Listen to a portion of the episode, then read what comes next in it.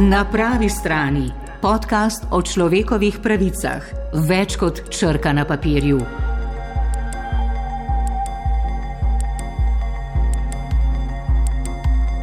Prisegam, da bom spoštoval ustavni red, da bom ravnal po svoji vesti in z vsemi svojimi močmi deloval za blaginjo Slovenije.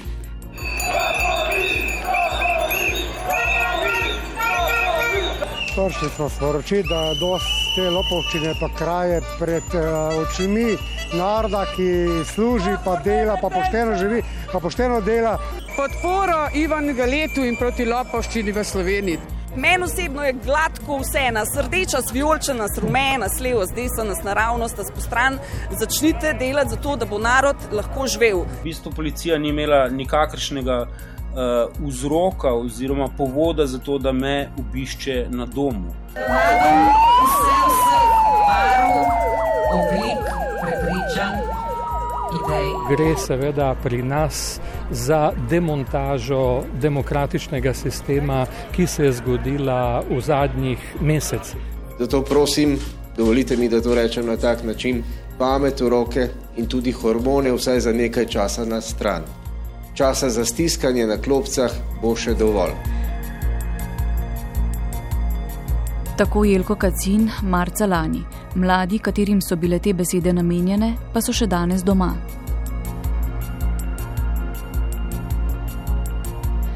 Pred natanko enim letom je v Bergamu izbruhnil novi koronavirus. Zabeležili so prvo smrtno žrtev. Strahom smo pričakovali vsak naslednji dan in tako eno leto. Takrat si nisem niti predstavljala, da bi lahko radijsko oddajo pripravila za lastno kuhinjsko mizo in ob tem šolala otroka, da bo moj delovnik tako scela prepleten z zasebnostjo in da se bom s svojimi gosti pogovarjala le še nadaljavo. Najbrž si nihče ni predstavljal, da nam bodo oduzete tudi osnovne svoboščine. Pravica do gibanja, pravica do druženja, zbiranja, pravica do svobodnega izražanja, da nam bodo oduzeta gledališča, galerije, kinodvorane, koncerti, knjižnice, knjigarne, da se bodo naši domovi spremenili v pisarne, šole, sejne sobe, da se bodo otroci družili izključno preko spleta in da bodo kamere postale njihovo okno v svet. Posledice še čakamo. Najbrž si tudi nihče ni predstavljal, da bodo po naših ulicah hodili policisti v polni bojni opremi in da bo sprehod s prijateljem v parku prekršek.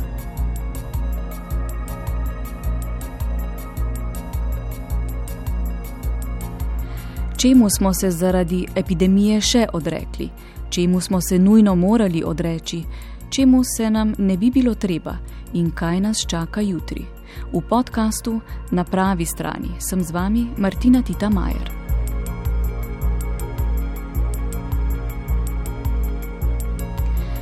Policijska ura je bil nekoč nenavaden spomin na čase začetka preteklega stoletja. Zdaj je že štiri mesece naša realnost. Ta, skladno z uradnim vladnim semaforjem, ostaja v veljavi in bo sproščena bodi si po regijah, bodi si v celotni državi, tako kot smo napovedali, ko pridemo v fazo, ki to omogoča. Pa čeprav stroka misli drugače. Za majhne regije to pomeni, pomeni velika skakanja. Ravno zaradi tega epidemiologi smo vseeno odločevalcem priporočali ene ukrepe, ki nekako tudi, da mu reči, bypassirajo ne, ta klasičen semafor. Vemo, da smo epidemiologi predlagali, da šole se, odpr se odprejo do petega razreda v vseh regijah, ne, ne glede na barvo, da se ukine omejitev gibanja med občinami in med regijami. Po drugi strani sam tudi vidim manjši učinek v omejitvi gibanja po noči. Ja, v preteklem letu nam je država dejansko odrekla, tako rekoč suspendirala številne pravice. Država je tako določila, kje se lahko gibamo in kje ne, kdaj se lahko gibamo in kdaj ne in s kom se lahko družimo in s kom ne. In država je tudi določila, da protestirati. Torej da je prepovedano zbiranje z namenom protestiranja ali izražanja mnenja. A glede na zahteve mednarodnega prava se temu ne bi smeli odreči. Država nam te pravice ne bi smela odrekati, pravi moja prva sogovornica. Moje ime je Nataša Pofel, sem direktorica Amnesty International Slovenije. Pred enim letom sem se jaz z našim tehničnim urednikom vidom brezočnikom pričal, kaj nas čaka. No, on je rekel, da se mu zdi, da to ne bo nič posebnega. Jaz sem mu rekel, da je deva se najti čez eno leto, pa probi si zapomniti, kako je zdaj, pa boš videl, da čez eno leto ne boš več prepoznal države, v kateri si živel pred enim letom.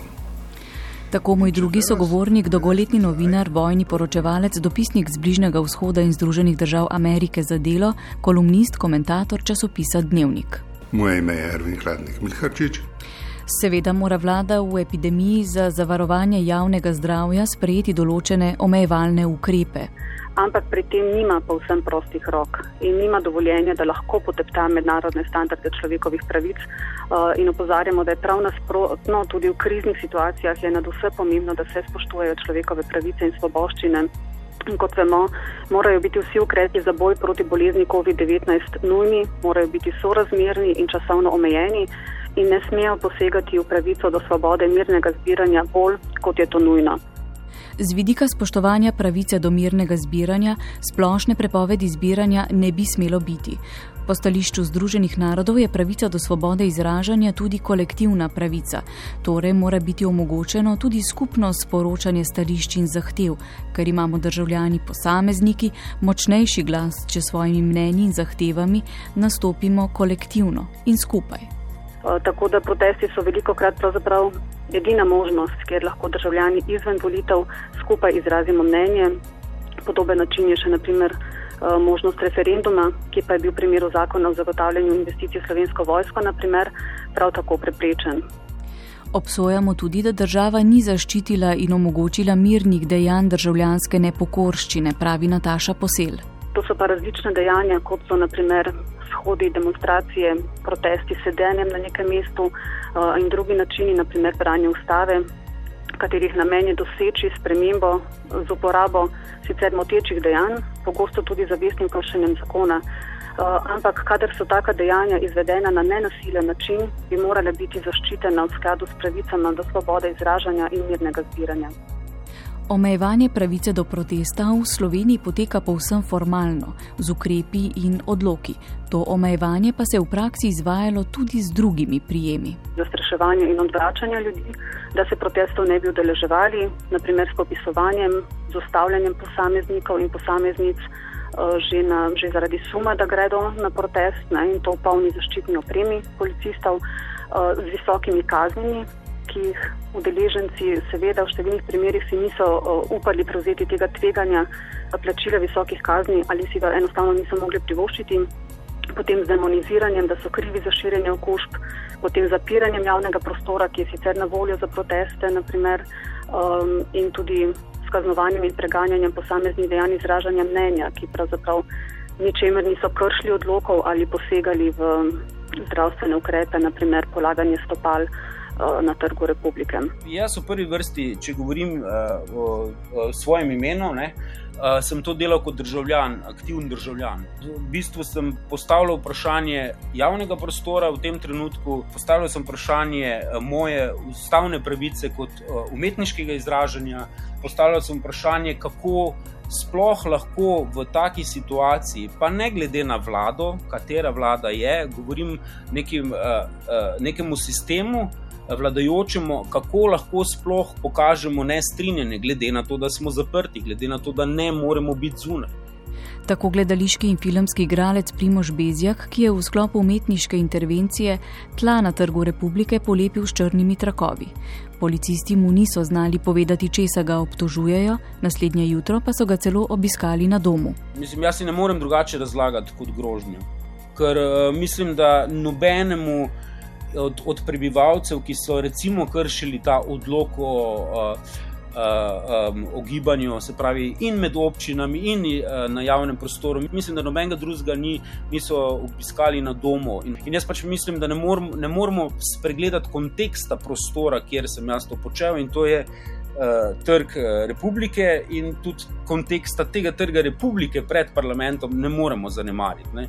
In jaz sem pripričan, da pač je šlo za zastraševanje. Iz... Zagotovo pa je prisotnost policije, kot je naprimer na Metelkovi ali ustavljanje.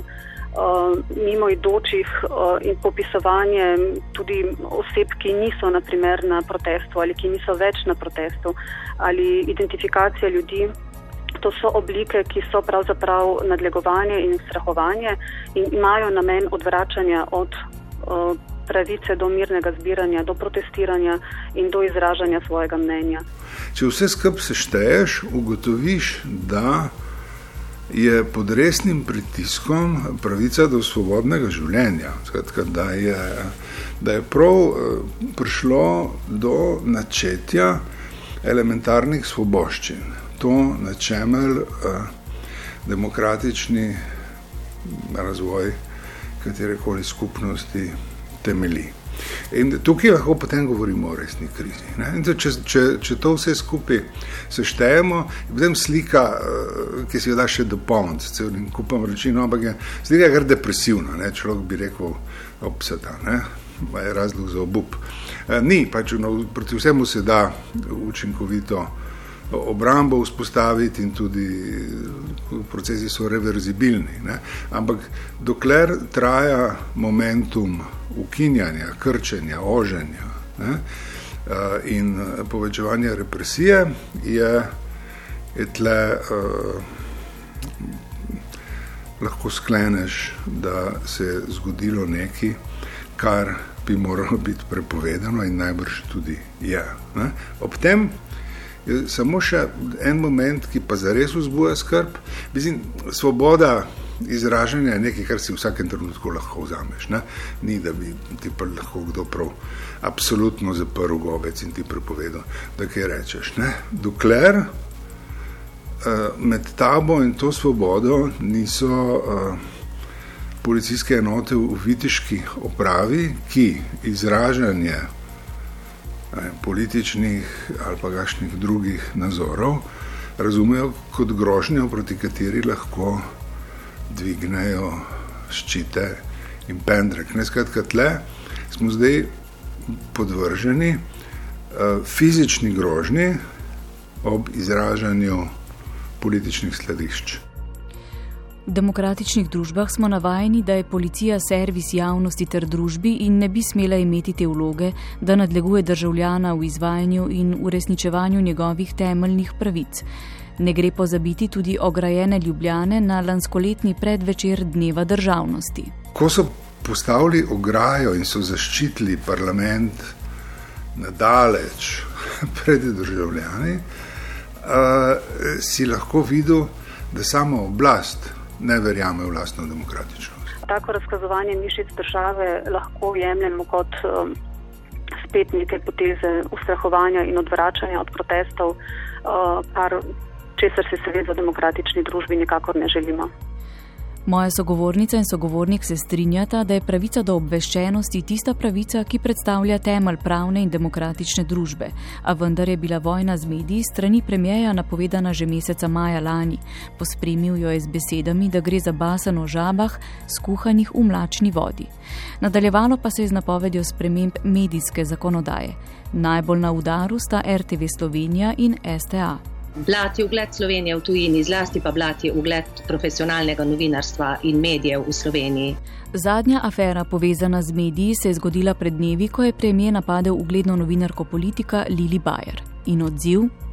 And we are outraged. Uh, by the attacks of the uh, Slovenian prime minister against her. Ogorčeni smo nad napadi slovenskega premijeja na novinarko in njenega delodajalca politiko.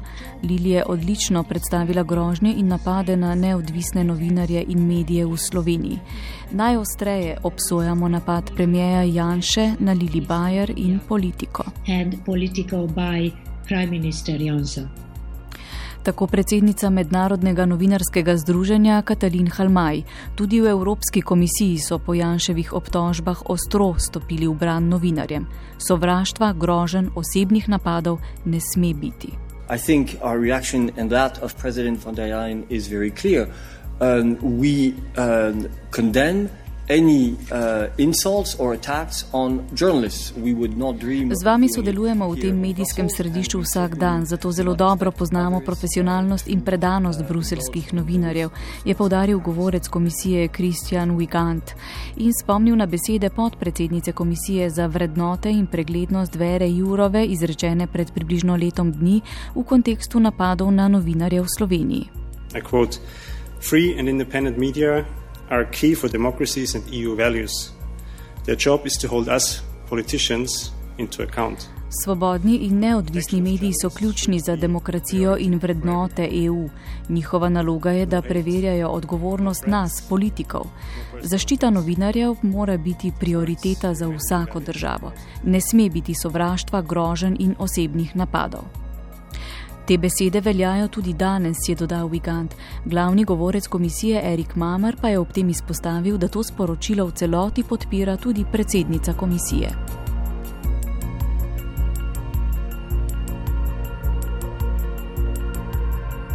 Polaščanje javnih institucij, kot je tiskovna agencija in napadi na radio televizijo Slovenija, so nedvomno resna kršitev ne le svobode izražanja tistih, ki se skozi te medije oglašamo, ampak tudi pravice do obveščenosti, ki je ena temeljnih pravic v modernem svetu, kjer brez podobne obveščenosti o tem, kaj se dogaja, težko preživiš, povdarja Ervin Hladnik Milharčič. Odreditev javnih medijev pomeni ukinitev javnih medijev. Ne?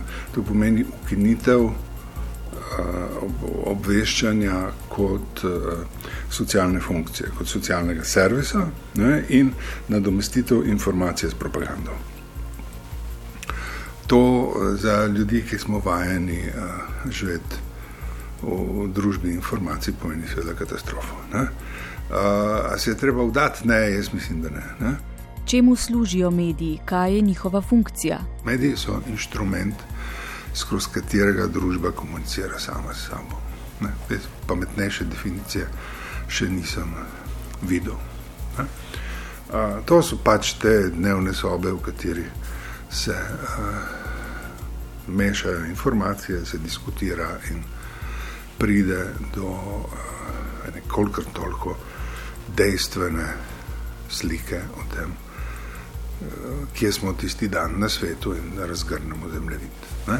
In se potem znotraj tega zemljevida lahko bolj ali manj vehementno gibljemo. Zdaj tam vlada popoln kaos.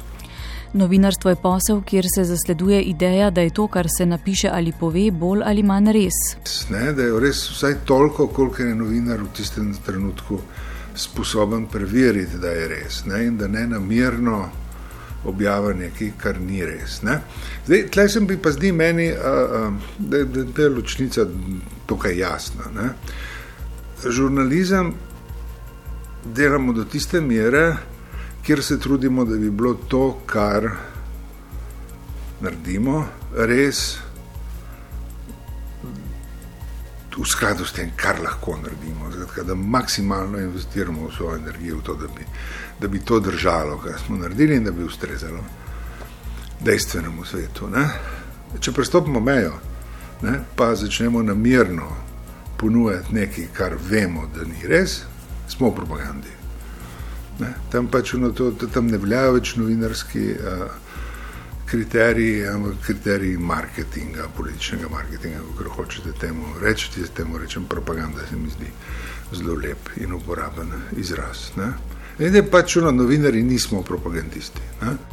Imamo lahko različne stile pristopanja, eni uporabljamo ene instrumente, drugi druge. Eni so univerzalni, drugi ne. Ma ja, pa tudi jaz mislim, da, da, da, da so ljudje preveč previdni pri protestiranju proti očitnim manipulacijam. Ne? Se kar sprejema pač neke popolne eh, rekel, propagandne politične akcije kot eh, kot in, informacije. Ni, to je propaganda. Tleh treba je ustrajati, da ni vsak, ima kamero v rokah in mikrofon pred sabo, novinar. Zdrav medij, katerikoli, časopis, televizija, radio, mora postopati tako, da preveri vse, kar objavi, in na način, da je tudi njegovo postopanje preverljivo. Tako da, če nekdo reče, da lažnivi mediji, ne, vreče, ne, ne, ne, oprostite. Ne. To, do tega smo prišli po tej, po tej metodologiji, po teh, po teh korakih, ki nam pravijo, da je to, kar trdimo, res. Po podatkih mednarodne organizacije Human Rights Watch je najmanj 83 držav izkoristilo pandemijo COVID-19 za kratenje človekovih pravic, pravice do svobode govora in mirnega protesta. Mnoge oblasti napadajo in preganjajo kritično misleče, v nekaterih primerjih je prišlo celo do umorov. Žrtve so novinari, protestniki, zdravstveni delavci, opozicijski predstavniki in drugi, ki se kritično odzivajo na ravnanja oblasti.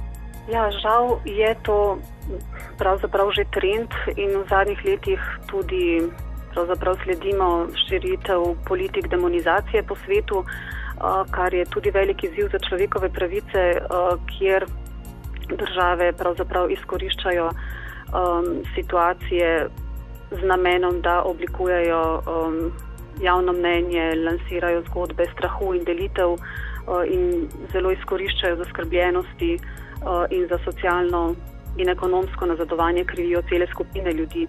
To smo lahko spremljali od Združenih držav Amerike do Indije, Brazilije, Mačarske, Turčije, Filipinov.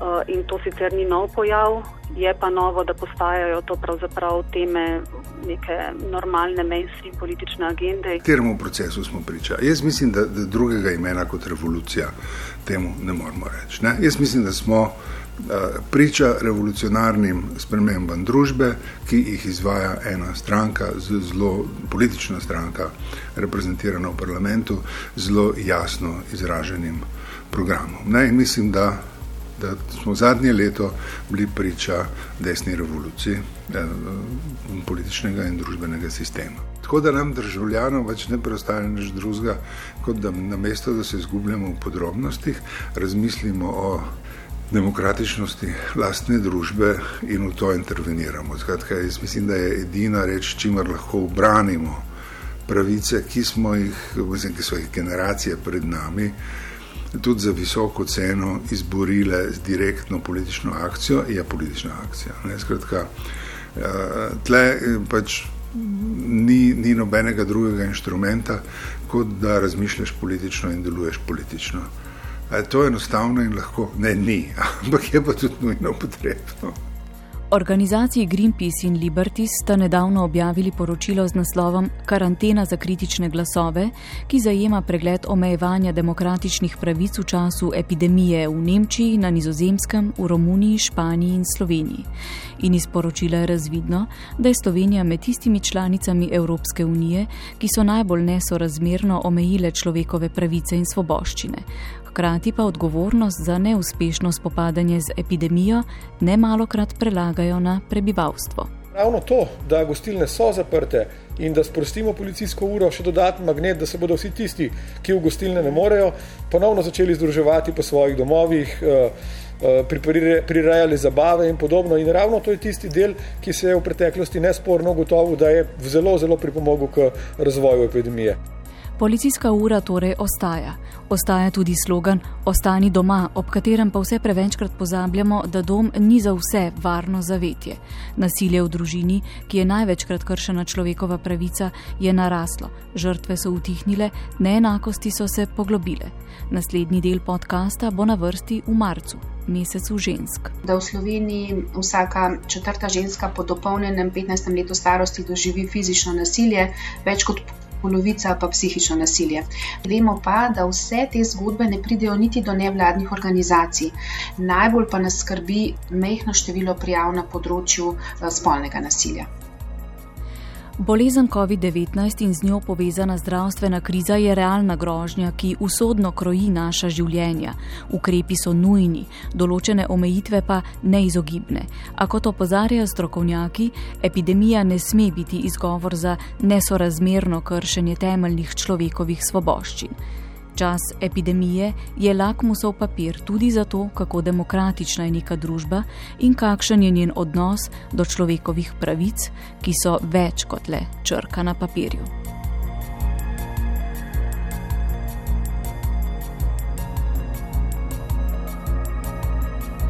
Podcast na pravi strani sva pripravila Gašper Loborec in Martina Tita Majer.